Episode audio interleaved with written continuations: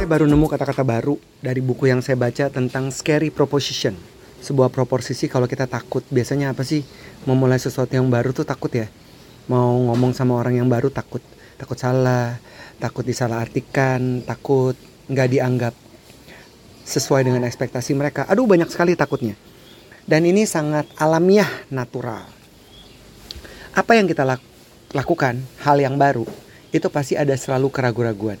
Kayak misalnya gini ya, tekanan-tekanan tertentu ketika misalnya seseorang udah sukses dalam karirnya. Misalnya seorang penyanyi udah selalu ngeluarin album, selalu terakhir tuh misalnya siapa? Let's say Bruno Mars ngeluarin album laku 10 juta keping. Seluruh dunia, kedikitan sih. Anyway, terus dia mau bikin album baru, dia akan gini. Aduh, scary proposition.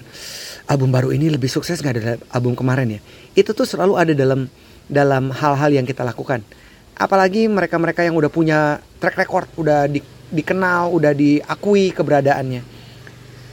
Dan tahu nggak sih teman-teman, mereka-mereka itu yang udah populer, itu juga awalnya memulai dari nol, dari hal yang kecil, dan selalu juga punya perasaan yang sama, apalagi udah makin gede. Jadi kalau kita sendiri ingin melakukan sesuatu yang baru dalam pekerjaan kita, kemampuan kita berkomunikasi, ngobrol sama orang yang baru, cerita, storytelling lah, apalah, eh, meyakinkan orang, itu pasti selalu ada scary proposition. Dan semakin kita asah, ketakutan-ketakutan itu semakin luntur. Ada yang bilang kan, action cure fear. Tindakan mengalahkan ketakutan. Jadi ya, this scary proposition oke okay lah. Buatlah persiapan yang matang, persiapkan dirimu sebaik mungkin, latihlah dirimu, rekamlah, tampilkan, review lagi.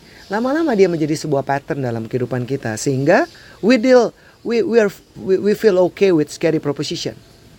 Banyak loh orang-orang yang kayak gitu. Salah satu juga yang saya baca gara-gara artikel ini yang saya baca ini membuat saya untuk menuliskan membuat saya untuk berbagi kepada Anda. Aduh, saya sedikit distracting ya, ada suara klakson-klakson. Jadi Maya Angelou pun seorang penulis terkenal di zaman itu juga selalu punya scary proposition. She said that terms. Jadi mari, winners, go ahead, get up and jump and try. You never know until you try. Dengan persiapan yang matang, kita pasti nggak mungkin salah. At least we are dealing with the process and in the moment. Yuk, deal with that scary proposition and jump.